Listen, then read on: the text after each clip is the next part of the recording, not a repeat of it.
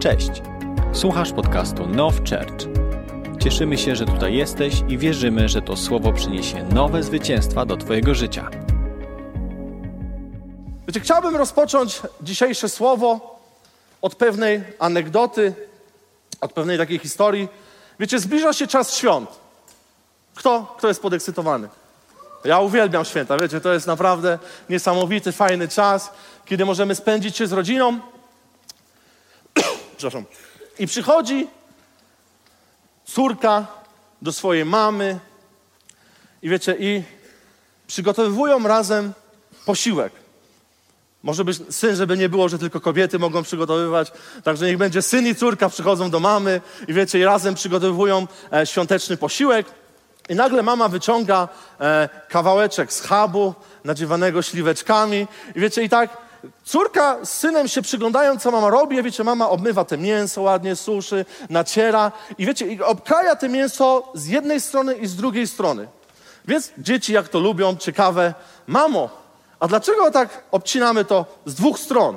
Ona mówi, a mama odpowiada, no wasza babcia tak mnie nauczyła, więc dlatego tak y, obcinamy. Ale zaintrygowana tym pytaniem, postanowiła pójść do swojej mamy e, i mówi, mamo, słuchaj, dzieci mnie spytały się, dlaczego ja obcinam te mięso tak w tym, nie? I mama mówi, no w sumie, ba- babcia w sumie, babcia mówi, no, no w sumie mnie tak moja mama też nauczyła, e, więc wiecie, dzięki Bogu była i prababcia, e, więc razem idą już, wiecie, już cała gromada, to już, to już nie jest, że tylko dwie osoby, ale to było pytanie, które już e, dręczyło wiele osób, więc podchodzą do swojej prababci, e, wnuki, e, prawnuki, e, córka i mówią tak, Mamo, dlaczego obcinałaś tak mięso? Co, co ma to y, pomóc w czym? I wiecie, ona odpowiedziała, no bo wtedy garnek, który mieliśmy, a mieliśmy jeden, był za mały.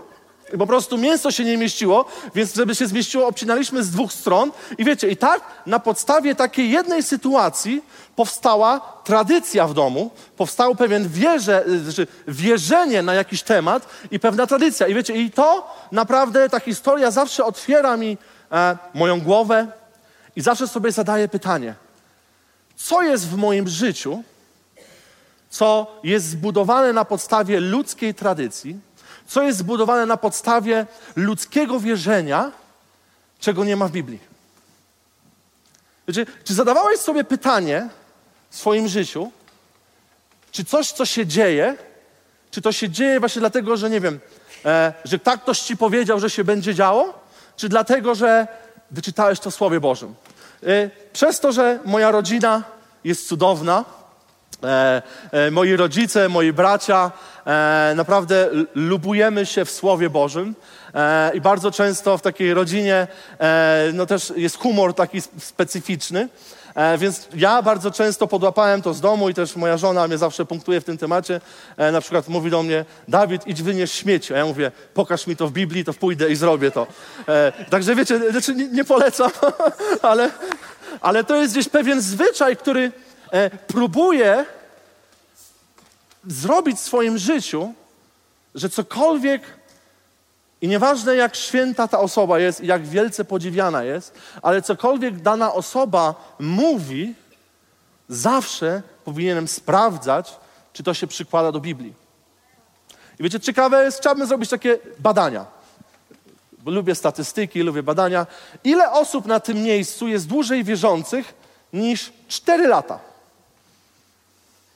Halleluja. I teraz pytanie do tej grupy ludzi, która podniosła rękę, że jest dłużej niż 4 lata. Ile osób z Was przeczytało co najmniej raz Biblię od deski do deski? Całą Biblię. Nie Nowy Testament, tylko nie psalmy i tak dalej. I wiecie, i dla mnie ciekawą rzeczą jest to, że jest bardzo mała liczba osób, która naprawdę przeczytała Biblię całą. Ja mówię o sobie, wiecie, ja się wychowywałem w domu wierzącym, e, ja byłem nauczony takiego stylu, typu dzisiaj jest pierwszy, więc czytamy pierwszy psalm, 31 psalm, 61, 91, 121 i 150, tak, 150, nie, nie dobra, no, do- bez 150. I przypowieści Salomona, pierwszy rozdział, e, i wiecie, i to było takie solidna dawka studiowania Pisma, no bo to wiecie, trzy psalmy prawie, trzy, 24 e, plus jeszcze jeden rozdział. I wiecie, ja tak naprawdę się cieszyłem, jak ktoś mnie się pytał, czytasz Biblię? Ja mówię, codziennie studiuję Słowo Pana, e, po prostu co miesiąc powtarzało się to samo. I wiecie, i z jednej strony to było dobre, ale w pewnym momencie, e, jak już wiecie, to już trochę lat trwało w moim życiu, albo tylko Nowy Testament czytałem, wiecie, są takie historie, które lubimy czytać. I po prostu ja Biblię znałem tak wyrywkowo, ale w pewnym momencie rozmawiałem z pewnym mężem Boży, który mi powiedział, Dawid, czy ty czytasz Biblię? Ja mówię, no oczywiście, że czytam. I zadał mi pytanie, czy przeczytałem całą Biblię od deski do deski. Ja mówię, no tak, yy, no mniej więcej wiem o co chodzi w Biblii całej. E, znam tam trochę historii, znam to, ale on powiedział, Dawid, ty nie rozumiesz. Ty musisz zacząć czytać Biblię całość. Bo tylko wtedy zrozumiesz pełnię, i wiadomo, pełnia y, tak y, nie, nie da się zrozumieć w pełni Boga, ale będziesz miał pełen obraz tego, kim naprawdę Bóg jest. Bo on powiedział jedną rzecz. Mówi, dzisiaj problem współczesnego chrześcijaństwa jest taki, że ludzie nie znają Biblii. I ludzie potrafią zbudować ideologię, e, stwierdzenie, wierzenie, które jest oparte na jednym wersecie, lub na jakiejś jednej historii, lub czasami jak ktoś poszaleje na dwóch wersetach, dwóch historiach. Wiecie, takie, takie było kiedyś, ja tak byłem uczony, wiecie, musi być ze Starego Testamentu i z Nowego, jak się pokrywają, to jest dobrze. E, I często jak ktoś kazania e, głosił, to było powiedziane, najlepiej nawiąż ze Starego i z Nowego historii, e, Testamentu historię, to wtedy będzie spójność i tak dalej. I wiecie, kiedy ja zacząłem się zastanawiać i podjąłem sobie wyzwanie, że przeczytam w rok całą Biblię, od deski do deski, wiecie, w internecie jest niesamowite narzędzia, jak plan czytania Biblii. Także wiecie, no nie ma wymówek. Naprawdę nie ma wymówek, że ktoś nie wie jak, nie wie od czego zacząć. Bo chcę wam powiedzieć taki już, z, teraz z boku dodam e, wskazówka. Proszę, nie czytajcie e, od, od Mojżeszowe i po prostu jedźcie po kolei, bo naprawdę możecie się wykoleić. Są naprawdę fajne plany, które trochę z tego, trochę z tego, trochę z tego i są fajnie ułożone tematyczne, że to naprawdę fajnie się czyta. I wiecie, kiedy ja przeczytałem całą Biblię od deski do deski, zobaczyłem pewną rzecz, że nagle pewne kropki zaczęły mi się łączyć. I wiecie, im, im co roku powtarzałem ten proces, zacząłem odkrywać, że za każdym razem, kiedy schodzę głębiej w zrozumieniu, to jest dlatego, że pewne rzeczy mi się zaczynają coraz bardziej łączyć. I nagle Duch Święty przypomina ci, okej, okay, a ta historia i tu, i wiecie, no, Biblia wyraźnie mówi, z pustego i Salomon nie naleje. Czasami nie możesz pójść głębiej w relacji z Bogiem, bo nie masz czego. My musimy odrobić pewną zasadę, pewną relację. I wiecie, i to jest zachęta do tego, o czym będę chciał dzisiaj mówić, że my musimy zacząć budować wierzenia w naszym życiu na podstawie Słowa Bożego. I wiecie, i są pewne wierzenia, które ja sam wierzę czasami i się konfrontuję zawsze. Wiecie, jest takie coś powiedziane, że jak ktoś, jakaś osoba u kogoś w domu umarła na raka, jest od razu strach w całej rodzinie, mogę też to mieć.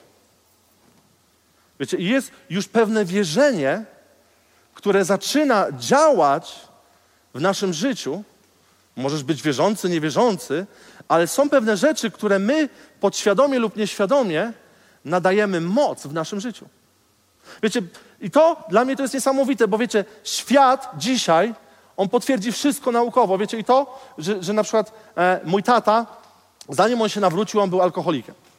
On był bardzo mocnym alkoholikiem, uzależnionym. Czasami wycinało go na parę tygodni z domu.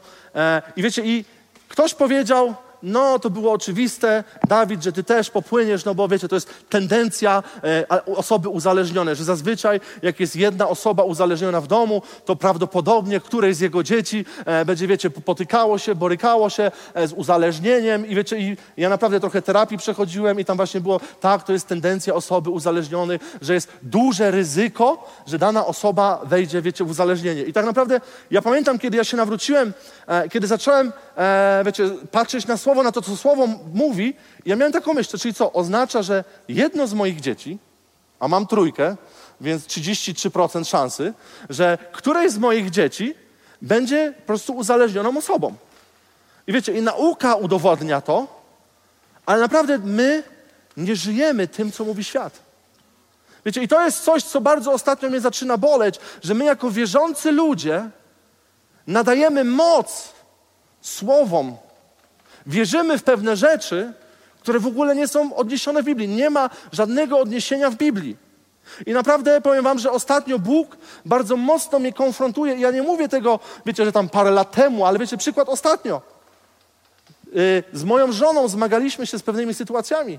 Mianowicie takimi, e, że wiecie, co, co jakiś większy event był, wyda, wydarzał się w naszym kościele, w, w, w Nations on Fire, polegało to na tym, że jedno z których z moich dzieci było, wiecie, atakowane. Ja już wpadłem w taki schizofrenię, tak to nazwę duchową, że ja już, jak wiecie, event się zbliżał, to ja już, wiecie, już dobra, to trzeba się modlić, wiecie, to trzeba tutaj e, ogłaszać, e, wiecie, tutaj walczyć w duchu i tak dalej. I, i ja naprawdę, i, za, i ciekawe było to, że zawsze coś się działo.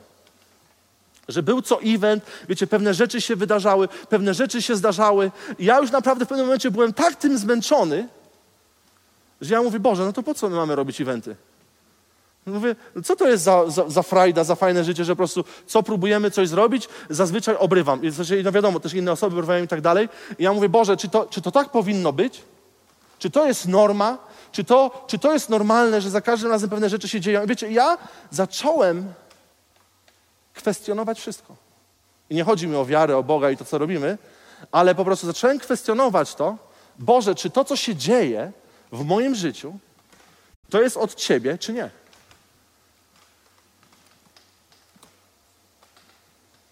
I wiecie, co jest ciekawe? Za chwilę wrócę do tego. Że Bóg zaczął kwestionować moje wierzenie. I pytanie, chcę wam zadać pytanie, ale nie odpowiadajmy, proszę. Jak myślicie, kto jest przeciwieństwem e, Boga? Czyli wiecie, rozumiem, co jest przeciwieństwo. Jak jest czarne, białe, wysoko, nisko. Jak myślicie, w swojej głowie, jak miałbyś sobie zadać to pytanie, kto jest przeciwieństwem Boga? Nie odpowiadamy. Drugie pytanie. Kto jest przeciwieństwem diabła? I wiecie, ja kiedy zadałem sobie to pytanie, odkryłem, że w ogóle większość mojej teologii było już źle zbudowane. Bo wiecie, jaka była moja pierwsza odpowiedź? Przeciwieństwem Boga jest diabeł. A to jest nieprawda. Bóg nie ma rywala. Bóg nie ma sobie równego. Bóg nie ma przeciwieństwa. Bóg jest sam w sobie, samowystarczalny. I wiecie, i nagle mi się otworzyła czacha, tak to nazwę. Zaczęło się dymić w mojej głowie, bo ja sobie zacząłem pytanie, okay, no to skoro Bóg nie ma przeciwieństwa, to kto jest przeciwieństwem szatana, diabła? Wiecie, kto jest przeciwieństwem diabła, szatana? Archanioł Michał, Archanioł Gabriel. To jest ten poziom. To nie jest stworzenie, to nie jest twór, który ma jakąkolwiek władzę nad człowiekiem wierzącym. Wiecie, i mówimy amen, amen. Ale dlaczego rzeczy dzieją się w naszym życiu? Chcę, żebyśmy, wiecie, naprawdę, żebyśmy mieli taką tendencję w nas kwestionowania rzeczy, które się wydarzają w naszym życiu. Wiecie, kwestionowania tego, dlaczego się dzieją. Kolejną rzeczą, która wydarzała się ostatnio w, w, naszym życiu, w moim życiu, w życiu mojej rodziny, było to, że wiecie, na początku tego roku, e, około lutego, e, miałem bardzo poważną e, sytuację zdrowotną. Mianowicie e, zapalenie trzustki miałem. I wiecie, i dla mnie to był szok. E, ja nie wiedziałem, jak się odnaleźć w tym. E, w szpitalu, bo to wiecie, od razu lądowałem na paręnaście dni w szpitalu. E, w szpitalu, ja, ja powiem wam szczerze, ja byłem zawsze ignorantem medycyny. Ja jestem, wiecie, z tego nurtu, że po prostu jak wszystko jest dobrze, to nie trzeba nic się badać, nie trzeba nic robić, po prostu halleluja, lecimy i tak dalej. I wiecie, kiedy powstało ostre zapalenie trzustki w moim życiu i pojechałem do szpitala i wiecie, i i nagle lekarze, lekarze zaczęli mi zadawać pytania typu, jak tam u pana z alkoholem, e, jak tam wie pan imprezowe życie. Ja, ja nie, nie, nie, łączyłem faktów. Ja mówię, ale, ale jakie? Że o co chodzi? Przecież mówię, ja, ja, nie, ja w ogóle alkoholu nie spożywam. Ja mówię, ja, ja tak jakby, e, i wiecie, oni nie, niech pan nie ściemia, tu jak pan nam prawdę powie, e, to wiecie, to, to, to panu pomożemy wtedy. A ja mówię, ale ja mówię poważnie, ja nie spożywam alkoholu w swoim życiu. I pani tak, lekarka mówi tak, kurczę, no to mamy problem. A ja mówię, ale o co chodzi? Bo, bo pan ma ostre zapalenie trzustki. A ja mówię, no w sensie ja jestem totalnym laikiem, ja nie wiem o co chodzi. Ona mówi, 99% ludzi, którzy mają ostre zapalenie trzustki, jest to spowodowane z zatrucia alkoholem, po prostu z nadużyciem alkoholem w danej sytuacji. Więc jeżeli pan tego nie ma, no to e, nie wiemy dlaczego. I wiecie, i, i tak naprawdę rozpoczął się proces badań, później oni, wiecie, tak mniej więcej doszli do tego, że to ma trochę wspólnego z przeszłością, e, zły tryb życia. E, I wiecie, i w pewnym momencie zaczęło to się powtarzać. W ciągu 3-4 miesięcy e, to zapalenie trzustki przeszło w ostre, e, ostre, czekajcie, przewlekłe, przepraszam, przewlekłe zapalenie trzustki. E, I wiecie, no i praktycznie każdy lekarz już siwiał na głowie, e, bo to wiecie, no zawsze było to same pytania, co lekarz, co klinika, jak u pana z alkoholem. Ja mówię, proszę pana, możemy badania zrobić, krew, badajcie wszystko. Mówię, nie ma tego.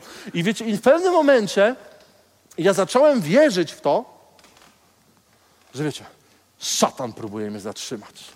Wiecie, diabeł wystąpił, wiecie, wszelkie wojska wysłał, bo przecież tutaj ja próbuję coś zmienić, pomagam, wiecie, robimy rzeczy i po prostu, wiecie, i szatan zrobił wszystko, e, żeby zatrzymać, żeby, żeby nie wydarzyły się pewne rzeczy. E, I wiecie, i powiem wam szczerze, raz tak było. Naprawdę czułem, że to był atak, że to było, wiecie, że to było duchowe, ale wcześniejsze rzeczy to była konsekwencja moich wyborów.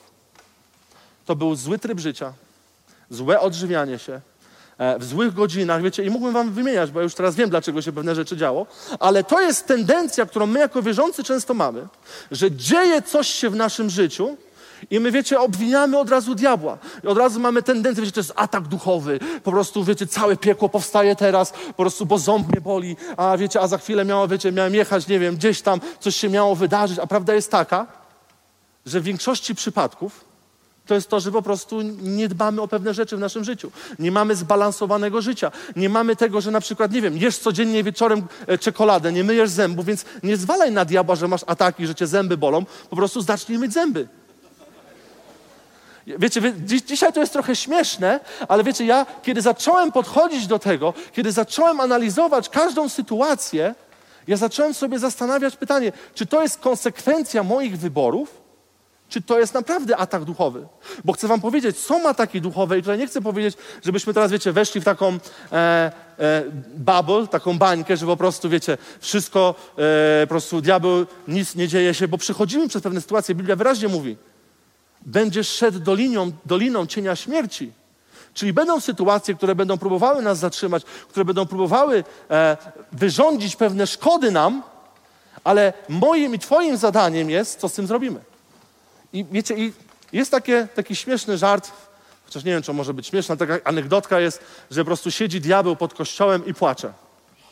Siedzi, wiecie, płacze, lamentuje, podchodzi do niego Jezus i mówi, diabeł, o co chodzi? Co tak lamentujesz? On mówi, zobacz, tam na ten kościół, pójdź, posłuchaj, co oni mówią.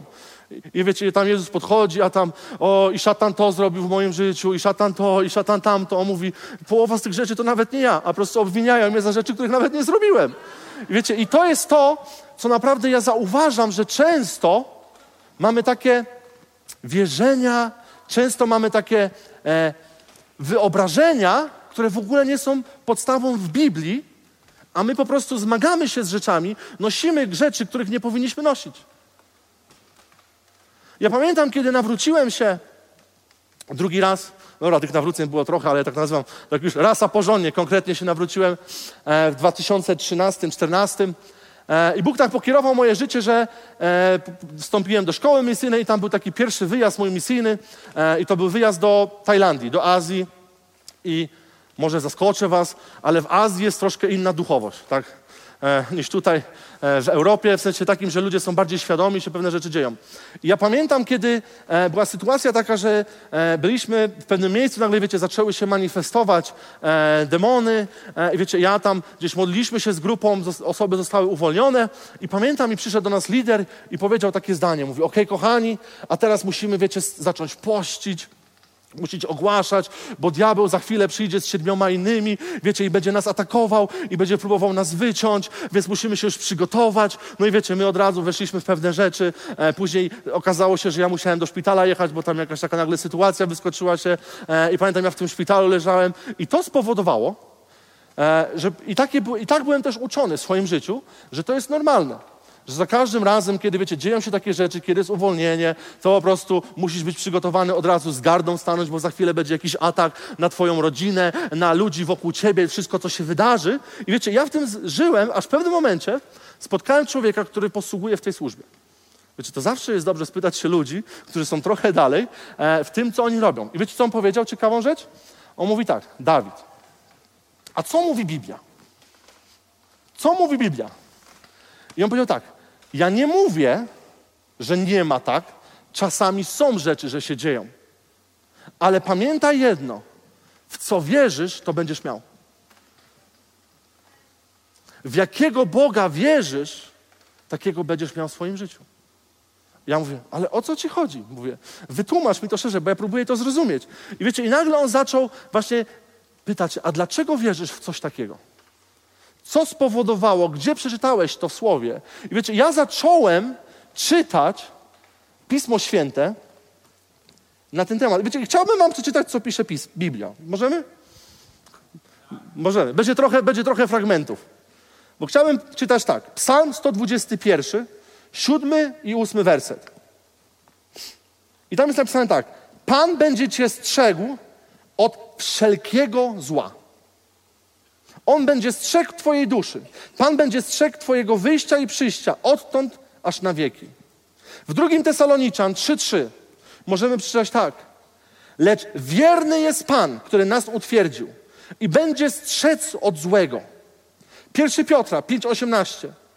Wiemy, że każdy, kto się narodził z Boga, nie grzeszy. A kto się narodził z Boga, zachowuje samego siebie, a zły go nie dotyka. Psalm 91, 10, 11 werset. Nie spotka cię nic złego, ani żadna plaga nie zbliży się do twojego namiotu. Przykażę bowiem o tobie swoim aniołom, aby cię strzegli we wszystkich twoich drogach. Izajasza 54, 17. Żadna broń przeciwko tobie sporządzona nie będzie skuteczna, a każdy język, który w sądzie występuje przeciwko tobie, potępisz. To jest dziedzictwo sług Pana a ich sprawiedliwość pochodzi ode mnie, mówi Pan. Drugi Tymoteusza 4:18. Wyrwie mnie Pan ze wszelkiego złego i zachowa dla królestwa swego niebieskiego. Jemu niech będzie chwała na wieki wieków. Amen. Przysłów 19:23. Bojaź Pana prowadzi do życia, a kto ją ma, spocznie syty i nie nawiedzi go zło. Rzymian 8:31. Co więc na to powiemy? Jeśli Bóg z nami, któż przeciwko nam? Psalm 62, drugi e, werset. To On jest moją skałą i zbawieniem, moją twierdzą. Nie zachwieję się za bardzo w swoim. Psalm 16, ósmy werset. Stawiam Pana zawsze przed oczami. Skoro On jest po mojej prawicy, nie zachwieję się. Łukasza, 10 rozdział, 19 werset. Oto daję wam moc stąpania po wężach i skorpionach i po wszelkiej mocy nieprzyjaciela, a nic wam nie zaszkodzi. Wiecie, to jest niesamowite. Prawda jest taka, że o, Bo o, nasze, o ochronie naszego życia jest około 72-74 fragmenty w Biblii. Ja, wiecie, nie chciałem tego wyczytywać, bo tego jest naprawdę dużo. Skoro jest tak wiele fragmentów w piśmie, które mówią o tym, że żadne zło nas nie dotknie, że będziemy chodzić po wężach, skorpionach, nic nam się nie stanie, że jest Boża ochrona wokół nas, to dlaczego rzeczy się dzieją? Wiecie, bo ja nie chcę, żebyśmy teraz, wiecie, w bańkę wpadli, bo to jest nieprawda i to jest niebiblijne, że po prostu będziemy, wiecie, jak z kwiatka na kwiatek chodzić, po prostu e, w takiej bajce, po prostu na, jeszcze na różowym kucyku, czy czymkolwiek takim, wiecie, że jedziemy, jedziemy, nic nas nie dotknie, Pan naszą siłą. Ale chcę Ci powiedzieć jedną rzecz, że to jest standard życia, który powinien być w naszym życiu. Dla mnie taką ciekawą postacią z, czas, czasów współczesnych jest Kary Blake. Kto słyszał o Karym Blake'u? Dobrze, ja wam powiem tak. Przed paroma miesiącami byłem uzależniony od jednej rzeczy. Od y, cudownego napoju Coca-Cola. Przyznaję się bez bicia, prawdziwa, jedyna, nie żadne tam zero czy jakkolwiek. Ale to spowodowało, że mój stan zdrowia był w kiepskim miejscu. I pamiętam, kiedy trafiłem na e, pewną ciekawostkę, bo akurat mój przyjaciel wysłał mi taki króciutki fragmencik, e, bo on wie, że, ja, że to po prostu e, było mój ulubiony napój, kola wcześniej. E, I on wysłał stwierdzenie Karego Blake'a. On powiedział tak, kochani, kiedy ja zrozumiałem, że pełnia zdrowia jest w Bogu i zostało mi to objawione i że nic złego nie jest w stanie wydarzyć się mojemu zdrowiu, on mówi, mnie to uwolniło, bo on mówi, ja jestem uzależniony od Coca-Coli. Ja, jak wstaję rano, muszę wypić litr coli. On to mówi. I mówi, wiecie, i kiedy mi zostało to objawione, mówi, ja czuję się lepiej, lepiej z każdego dnia i tak dalej. I wiecie, teraz spokojnie, nie idźmy. Jeżeli ktoś to będzie cytował, to nie masz prawa do tego. E, bo wiecie, bo to zostało objawione mu, kiedy on naprawdę uchwycił się tego, że prawa Boże są ponad wszelkie zrozumienie nasze ludzkie. I naprawdę my musimy zrozumieć, że my wychowywujemy się w systemie, wychowujemy się w wierzeniach, które nie do końca zawsze są biblijne. Pamiętam, kiedy e, swojego czasu e, byłem w Kanadzie jako młody chłopak. E, chyba to był mój plan numer 21, żeby rozpocząć nowe życie.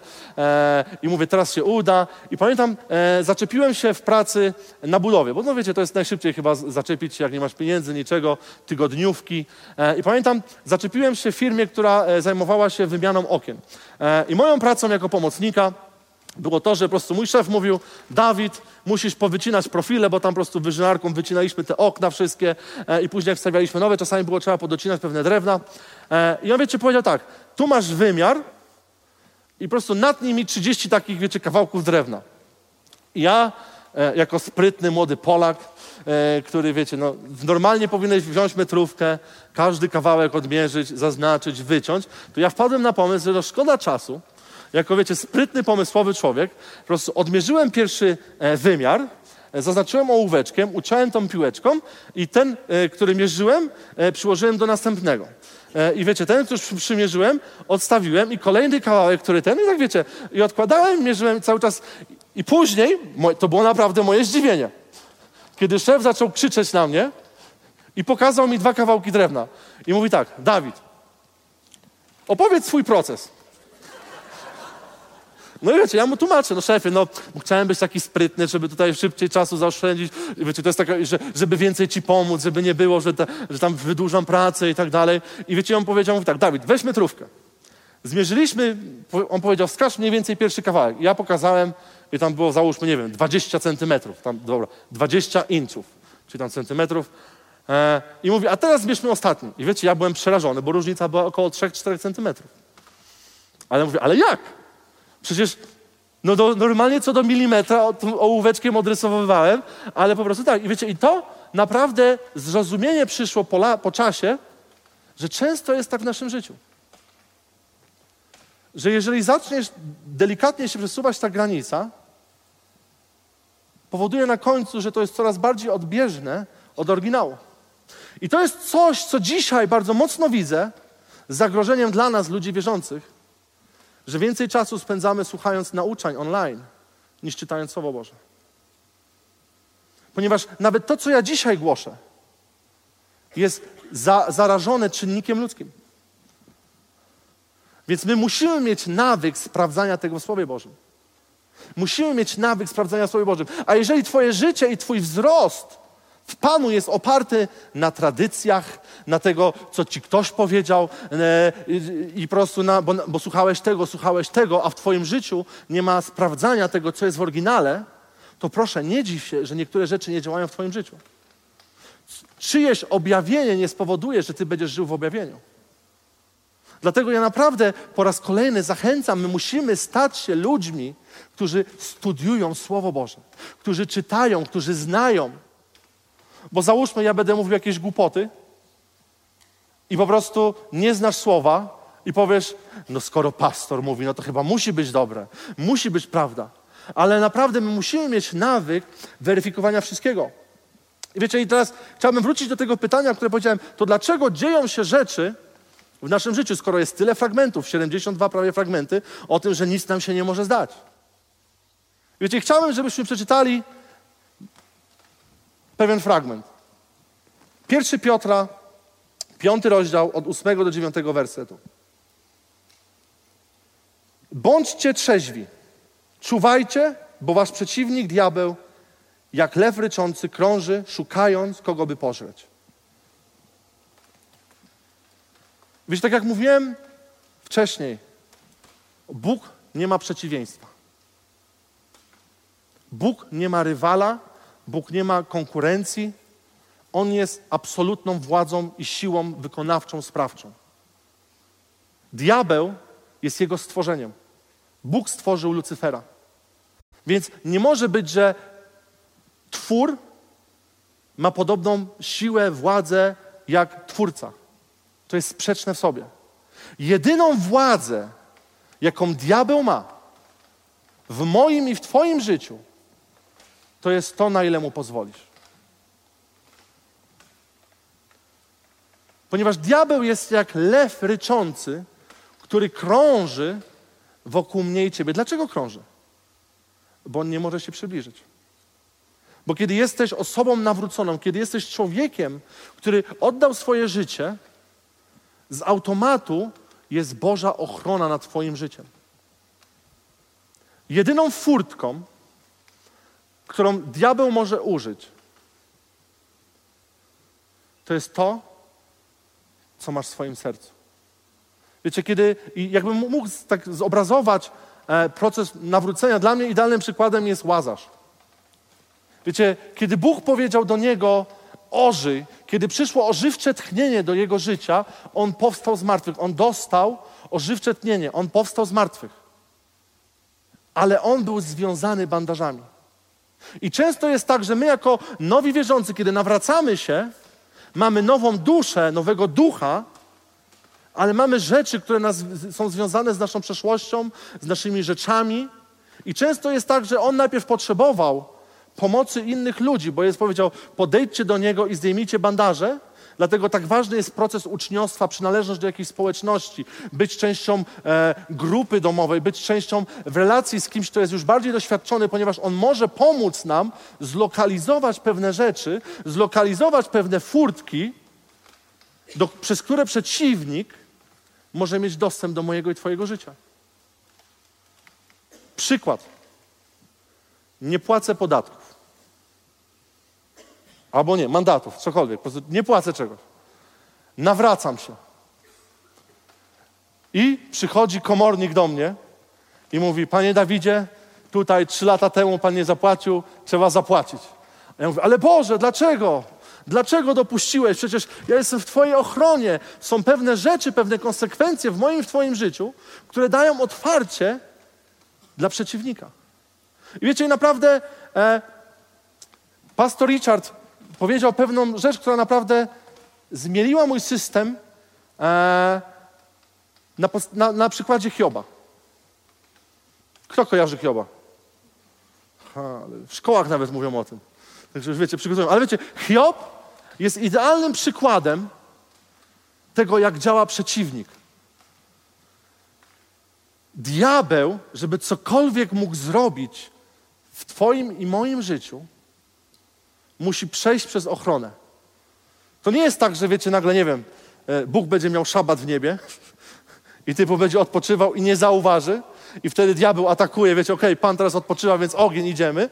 Nie ma czegoś takiego, że Bóg czegoś nie zauważył lub coś wymkło się z jego sytuacji. I wiecie, ja przez długi czas żyłem w dziwnym wierzeniu, gdzie naprawdę w ostatnim tygodniu moje serce zostało skonfrontowane. I wiecie, polegało to na tym, że ja postrzegałem na to, Bog, że, że Bóg po prostu, on, on, dopuścił, bo diabeł przyszedł, spytał się, mówi, wydaj mi Hioba. Po prostu, i wiecie, ja pomyślałem, mówię, kurczę, no, no, Bóg czasami dopuszcza. I to było coś, co mi się nie do końca zgadzało, no bo ja mówię, no z jednej strony on jest dobrym ojcem. To teraz jakby ktoś przyszedł, nie wiem, Tymek, nie no, może zły przykład, Mateusz, Mat, i ty. Bo Tymek rodzina, to dobre. No Mati też rodzina, żeby nie było. Ale wiecie, Mati przychodzi i mówi tak, pastorze, jest temat jeden. Pozwól mi coś zrobić, no ojcze, żeby ci pokazać, że nie wiem, e, no że po prostu nie szanuję ciebie. I pomyślcie, jakim ja musiałbym być ojcem, żeby powiedzieć, dobra Mati, działaj, zrób. To mi się od razu, zawsze miałem problem z tym, że to był obraz patologicznego ojca. Ale Biblia w całości przedstawia inny obraz Boga. Więc wiecie, cały czas coś mi nie grało w tej historii. Ja gdzieś rozumiałem to w pewnym momencie i chciałbym, żebyśmy otworzyli Hioba, trzeci rozdział, 24 i 26 fragment, werset. Kiedy bowiem mam jeść, przychodzi moje wzdychanie, a moje jęki rozchodzą się jak woda, bo to, czego się bałem, spotkało mnie, a to, czego się obawiałem, spadło na mnie. Nie byłem bezpieczny, nie miałem spokoju ani odpoczynku, a jednak nadeszła trwoga. I wiecie, i to rozwaliło mi system. Nigdy nie patrzyłem na historię Hioba z tej perspektywy. To, co miał w swoim sercu, przyciągnęło ataki i działania do jego życia. Kiedy diabeł przyszedł do Jezusa i powiedział: Wydaj mi Hioba, to było dlatego, że był, miał tak jakby powód zaczepny, że miał o co się zaczepić. To wszystko, co Hiob miał w sercu, wszystko, czego się obawiał, wszystko, czego e, bał się, wydarzyło się w jego życiu. Ale przez to, że Bóg jest niesamowity i dobry, wszystko mu zostało zwrócone w, w pomnożeniu.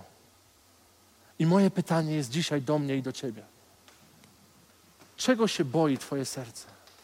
Czego się obawia Twoje serce? I wiecie, i to jest to, jak diabeł działa. On krąży wokół mnie i ciebie i wypatruje tej jednej rzeczy, która może pozwolić mu dotknąć Twojego życia. Ale pamiętaj, że to nigdy nie zniszczy Ciebie. Że to nigdy nie, nie spowoduje, e, że to, po prostu, bo Bóg jest większy ponad to. On ma moc naprawdę, wiecie, odwrócić wszystko. I, I ja wiem, że bardzo często rzeczy dzieją się w moim życiu, bo ja pozwalam na to. Bo ja dopuszczam, by myśli, by strach, by to, co mówi świat wokół mnie, dyktowało w to, co wierzę i czego się spodziewam. Jeżeli ja bym nie uchwycił się tego, co mówi Biblia, że nic nie jest w stanie dotknąć mojego życia, ja bym chodził w strachu, że jedno z moich dzieci stanie się osobą uzależnioną, że będzie zmagało się z uzależnieniem. Nadawałbym moc twórczą rzeczom w moim życiu. Jeżeli może w Twojej rodzinie były rzeczy, które się wydarzały, i Ty obawiasz się tego, to znaczy, że nie jesteś ugruntowany w Bożym Słowie na tyle mocno, żeby przeciwstawić się temu. Wiecie, chciałbym Wam, żebyśmy przeczytali parę fragmentów. Jakuba 4,7. Poddajcie się więc Bogu, przeciwstawcie się diabłu, a ucieknie od Was. Przysłów 18:21. Śmierć i życie są w mocy języka, a kto go miłuje, spożywa jego owoc. Co wychodzi z Twoich ust? Co wypowiadasz dzisiaj? Ja pamiętam, kiedy e, w około roku 2016 e, zacząłem wychodzić na ulicę, głosić Słowo Boże. Wiecie, braliśmy głośnik e, z moim bratem z naszym znajomym, e, wychodziliśmy czasami gdzieś do jakiegoś miasta, wystawialiśmy głośnik i ja pamiętam, że cały czas żeśmy źle rozpoczynali e, ewangelizację. Bo my rozpoczynaliśmy od tego, kochani, módlmy się, e, bo wiecie, jest ciężka atmosfera na Polską, e, musimy to, wiecie, przełamać, musimy złamać pewne rzeczy. I wiecie, i modliliśmy się tak jakby już z nastawieniem w głowie, że będziemy zmagać się z jakąś opresją, z jakimiś rzeczami, które na zewnątrz. I wiecie, to spowodowało, że naprawdę początki mojego wychodzenia na ulicę, mojego zwiastowania zawsze spotykały się z oporem. Ja zawsze mówiłem, wiedziałem, że w Polsce jest ciężko. I wiecie, czasami jest tak, że my mówimy tego, o, bo ty nie byłeś na Dolnym Śląsku, albo nie byłeś tam na Lubelszczyźnie, albo gdzieś tam, tu jest całkowicie inny region, tutaj ludzie są bardziej zamknięci niż w tamtym regionie. I wiecie, i my wypowiadamy już z automatu słowa przekleństwa. Wypowiadamy słowa, i Biblia mówi wyraźnie, jest moc w słowie wypowiedzianym. A później się dziwimy, że rzeczy się dzieją. I pamiętam, kiedy e, zacząłem, zmieniliśmy strategię, kiedy, wiecie, dotknęło nas to, że dlaczego my wypowiadamy przekleństwa już z automatu, zanim jeszcze wyszliśmy. I wiecie, i zaczęliśmy dziękować.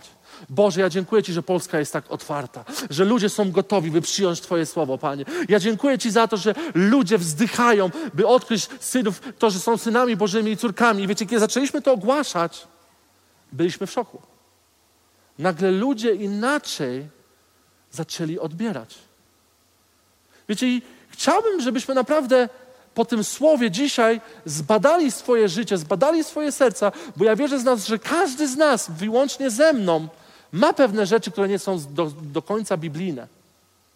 I my potrzebujemy wejść w proces odnowienia umysłu, odnowienia naszych myśli. Bo wiecie, Biblia mówi konkretnie o tym. W Rzymian 12:2.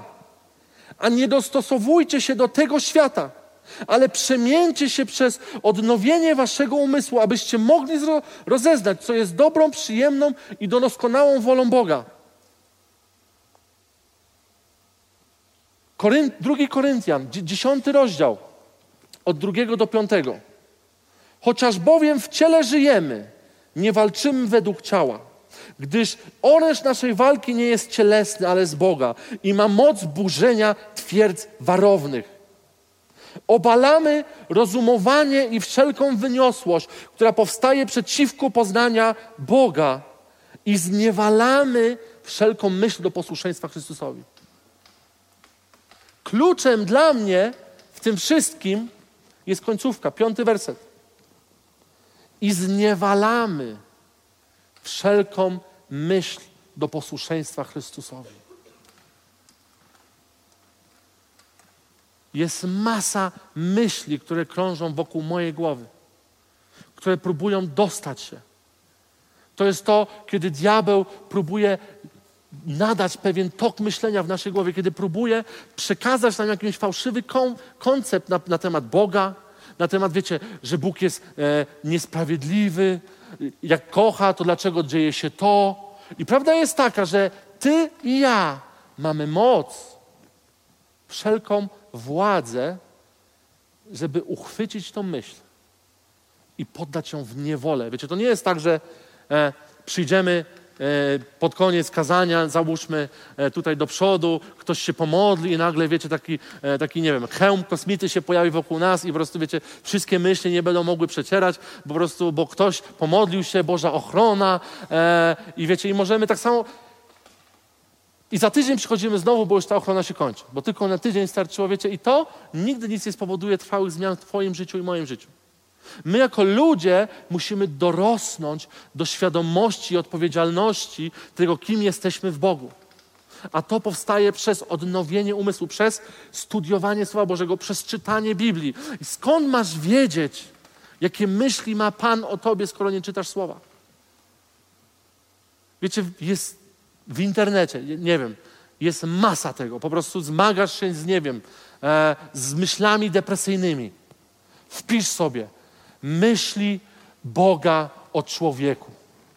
Wyskoczyć tam co najmniej z 20-30 wersetów. Wypisz je sobie, zacznij je uczyć się ich na pamięć, bo kiedy będą przychodzić, bo wiecie, bo to jest proces dojrzewania, to jest proces od, odnawiania umysłu. Kiedy przychodzi myśl, nikt cię nie kocha. I masz dwie decyzje. Albo przyjmiesz to, uchwycisz tego i powiesz, no, faktycznie. I wtedy zaczniesz się nakręcać. I powiesz, faktycznie nikt mnie nie kocha. Byłem w kościele i tylko dwie osoby podały mi rękę. A widziałem Mateusza. Tam do niego wszyscy podchodzą, uśmiechają się. Każdy z nim rozmawia, a mi tylko ktoś rękę podał i poszedł. Pewnie podał, bo mu kazali. Lub masz drugą opcję. Ja wiem, że Bóg mnie kocha. To jest nieprawda, że nikt mnie nie kocha. Przynajmniej mam pewność, że chociaż jedna osoba mnie kocha. Jezus mnie kocha. Wiecie, i to jest proces. Czy to oznacza, że raz tak zrobisz i już wszystko się zmieni? Nie. Bo to jest proces, to jest, to jest ciekawe, że tak jesteśmy skonstruowani, że ja mógłbym drugiemu Mateuszowi z drugiej strony, zostawmy tam Mateusza. Wiecie, powiedzieć sześć pozytywnych rzeczy do Mateusza I Mati, tak, zgadzam się, ekstra, ekstra. Powiedziałbym jedną negatywną i na 90% będzie pamiętał tylko o tej jednej negatywnej, niż o tych sześciu, siedmiu pozytywnych, których powiedziałem. Ponieważ nasz człowiek z natury jest zły. Nasza dusza jest skorumpowana.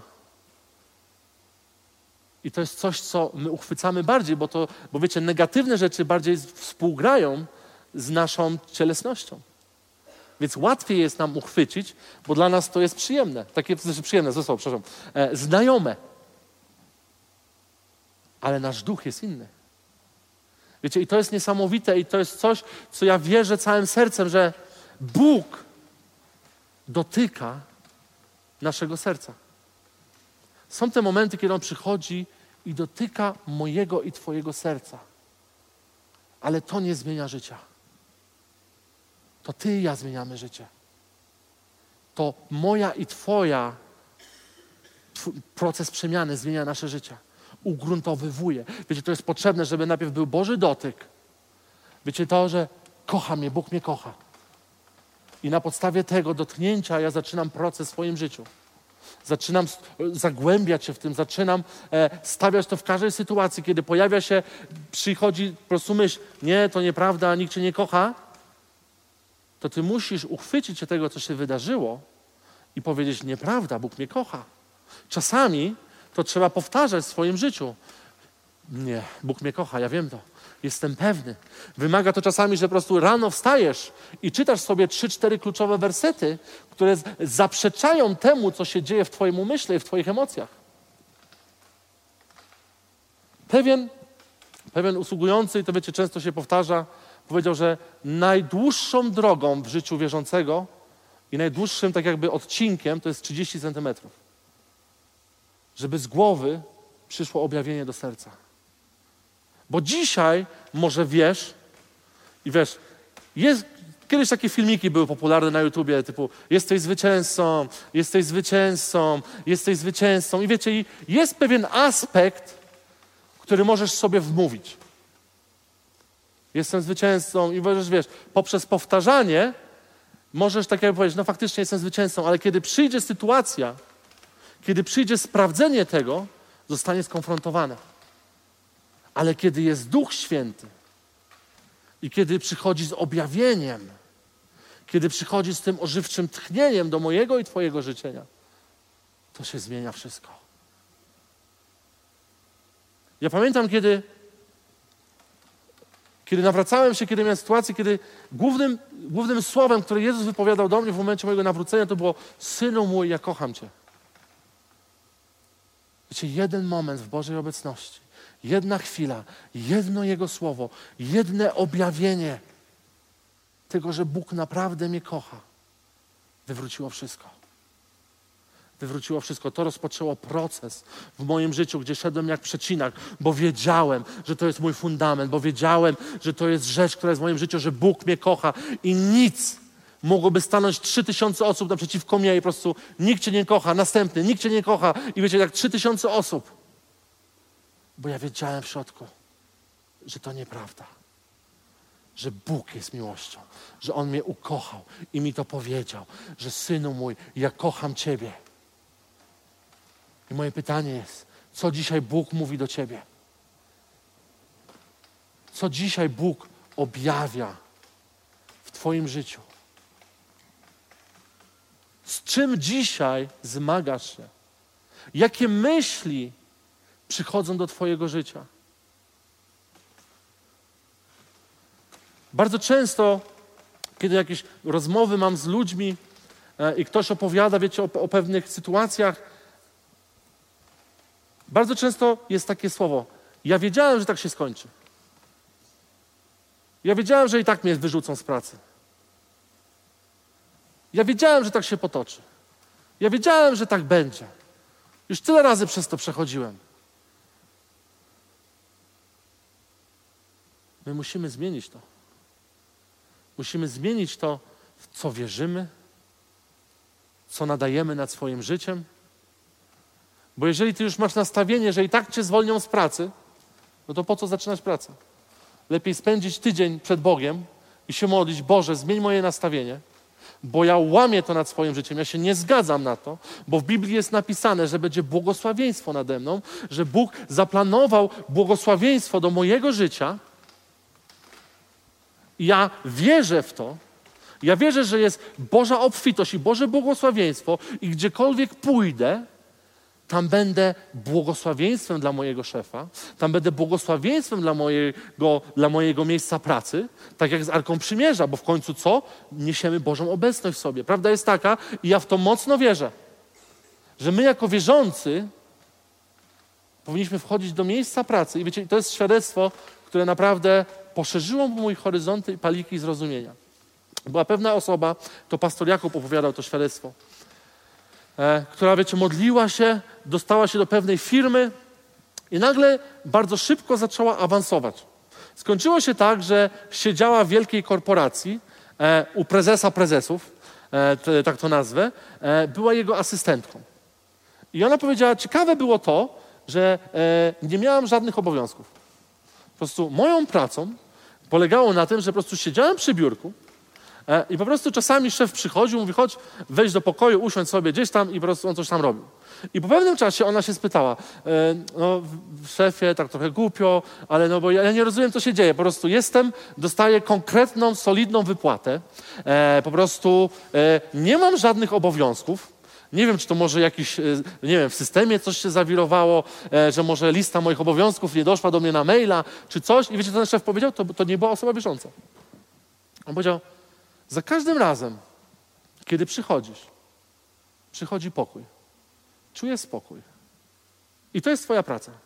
Po prostu wchodzisz do biura, jak kiedy mam jakąś nerwową sytuację lub coś, wiecie, dzieje się, z czego nie rozumiem, ty wchodzisz, siadasz sobie tam z tyłu i się zmienia coś w tym pokoju. Ja nagle zaczynam odczuwać pokój, odprężenie, relaks. To jest Twoja praca. Wiecie, i to jest dla każdego z nas. Ja wierzę w to, że my, jako ludzie wierzący, gdziekolwiek idziemy, powinniśmy uwalniać. Ale jeżeli ty masz myśli, i tak mi się nie uda, to uwalniasz inny aromat. Wiecie, Bóg jest dżentelmenem. Bóg jest osobą delikatną. Pytanie jest, w co dzisiaj wierzysz? Bo chcę Ci powiedzieć, w to, co wierzysz, będziesz miał. Możesz sobie wypisać pięć tysięcy wersetów, ale jeżeli będziesz wierzył inaczej, to i tak zostanie skonfrontowany, bo Bóg nie porusza się za słowem fizycznym, ale za tym, co jest w duchu uwalniane. Wiecie, ja wierzę w to mocno, że jako Kościół w Polsce, jako Kościół My musimy zmienić pewne rzeczy.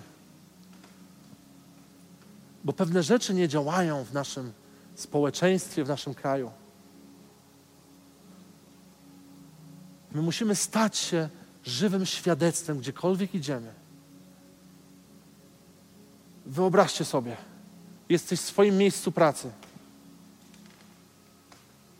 Przychodzi kryzys do Twojej firmy. Wszyscy panikują, że będą zwolnienia a Ty jesteś spokojny. Uśmiechnięty. Gdzie wszyscy panikują. Gdzie ludzie tracą nadzieję. Ale Ciebie to nie tyka. Bo Ty wiesz i wiesz, że w Bogu jest nasze zaopatrzenie. I choćby Cię dzisiaj zwolnili, choćbyś stracił wszystko, nie zachwiejesz się.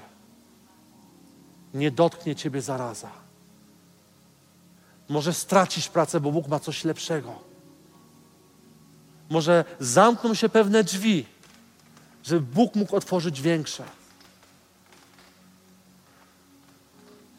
Albo ktoś się spyta, stary, dlaczego od 10 lat nie wziąłeś ani razu L4? Jakie witaminy bierzesz? Jakie suplementy? Powiedz. Zdradź swoją, swoje, swoją secret, swoją tajemnicę. A ty powiesz mu, człowieku, biorę jeden najlepszy. Bóg jest moją tarczą, moją siłą, moim zdrowiem. Myślicie, że wtedy byłby problem z głoszeniem Ewangelii? Myślicie, że ludzie nie chcieliby poznać takiego Boga? Takiego, że ludzie chodzą w tym, co mówi pismo? W tym, co powinno być standardem dla nas? W co dzisiaj wierzysz? Co dzisiaj ogłaszasz nad swoim życiem? Na co dzisiaj pozwalasz w swoim życiu?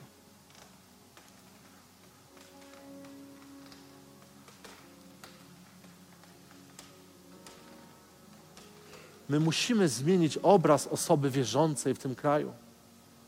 I to się nie stanie, jeżeli my nie zaczniemy wzrastać.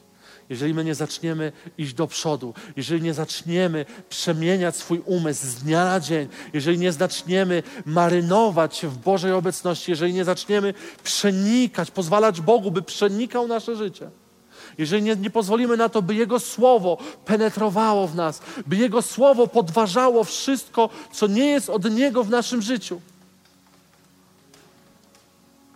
Wiecie, chciałbym, żebyśmy mieli taki moment, kiedy możemy powstać. Możemy, wiecie, zamknąć swoje oczy i zadać Bogu jedno pytanie. Boże, czy jest jakaś furtka w moim życiu? Czy jest coś, co ja nadałem siłę i znaczenie w moim życiu, czego nie ma w Słowie Bożym? Coś, co nie powinno się dziać w moim życiu? Może zmagasz się z, z finansami w swoim życiu, bo wmówiłeś sobie, że pochodzisz z biednego domu, więc to pewnie nie miałeś takiego startu, że nikt cię nie nauczył rzeczy, że nikt cię nie nauczył, jak zarządzać finansami, że nikt cię nie nauczył, jak zbudować firmę, jak budować, wiecie, i po prostu i obwiniasz wszystko wokół, dlaczego się u ciebie nie dzieje. I mówisz, z moim wykształceniem to tylko w żabce mogę pracować. Najwięcej. Nie dziw się, że nie będzie błogosławieństwa na Twoim życiem. Kiedy ostatnio ogłaszałeś, wypowiadałeś słowa błogosławieństwa? Wiecie, możemy przeczytać to w Daniela, że jest napisane wyraźnie, że Daniel przewyższał dziesięciokrotnie najlepszych ludzi w Babilonie. Dla Boga nie ma rzeczy niemożliwych. Dla Boga nie ma znaczenia, z, jakiego rodzi- z jakiej rodziny pochodzisz. Dla Boga nie ma znaczenia, czy masz wykształcenie, czy nie. Jeżeli w głowie się pogodzisz z tym i powiesz, to widocznie dla mnie jest ograniczenie, to w ogóle w Boga nie wierzysz takiego, jakim On jest. Bo dla Boga nie ma rzeczy niemożliwych. Dla Boga nie ma rzeczy niemożliwych. Wiecie, ostatnie świadectwo i będziemy się modlić. Pewien człowiek pogubił się totalnie w swoim życiu, wylądował jako osoba bezdomna, żebrał pod pewnym budynkiem pewnej firmy, korporacji wielkiej. I pewien człowiek, który wychodził, on zawsze dawał mu pieniądze. Drobne pieniądze. I wiecie, i po jakimś czasie ten człowiek zaczął rozmawiać z tym człowiekiem, wiecie, jakaś taka relacja, no bo codziennie mniej więcej on wiedział, że o tej godzinie on wychodzi, więc trzeba być tam, bo tam zawsze jakiś pieniążek wpadnie. Wiecie, kiedy ten człowiek zaczął z nim rozmawiać, okazało się, że to był człowiek wierzący. Ten, który pracował w wielkim budynku korporacyjnym.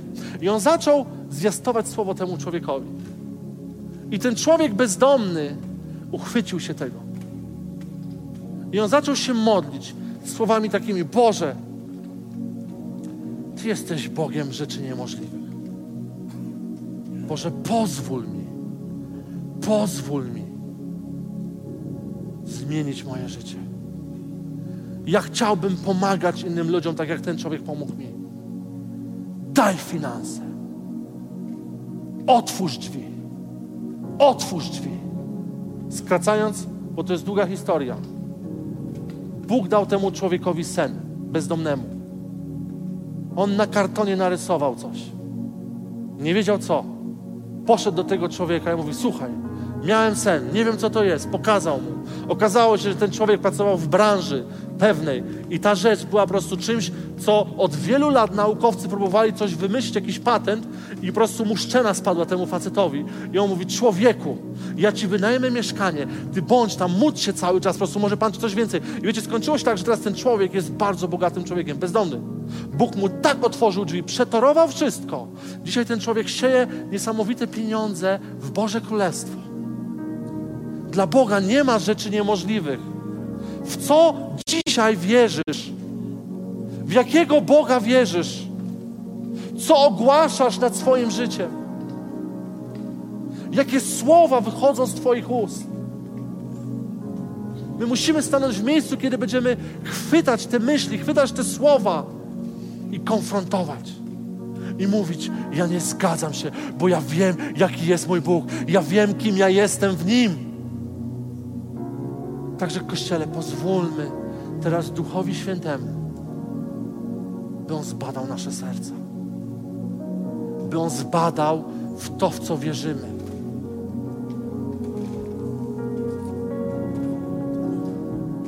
Święty, my zapraszamy Ciebie teraz. Przenikaj, przenikaj nasze serca. My potrzebujemy Ciebie, Panie. My chcemy oddać Tobie wszystko, co mamy w naszym życiu, byś mógł zweryfikować wszystko. Może jest coś, w co uwierzyłem na swój temat lub na tego, kim Ty jesteś, co nie jest zgodne z Biblią i z prawdą. Boże, objaw mi to. Objaw mi to. Ja chcę doświadczyć prawdziwości tego, kim Ty jesteś w swoim życiu. Ja chcę doświadczyć prawdziwości tego, kim Ty jesteś.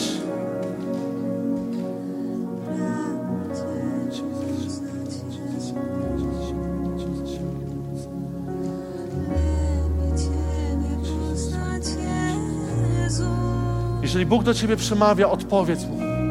Odpowiedz Mu. Jeżeli zlokalizowałeś pewien segment w swoim życiu, powiedz: Ja wyrzekam się tego. Ja nie chcę tego. Boże, objaw mi prawdę. Objaw mi prawdę. Jeżeli Bóg rozeznajesz dane rzeczy, zacznij zagłębiać się w danym temacie. Zacznij studiować to. Zacznij szukać prawdy na ten temat. Niech Ci Bóg objawi. Halleluja.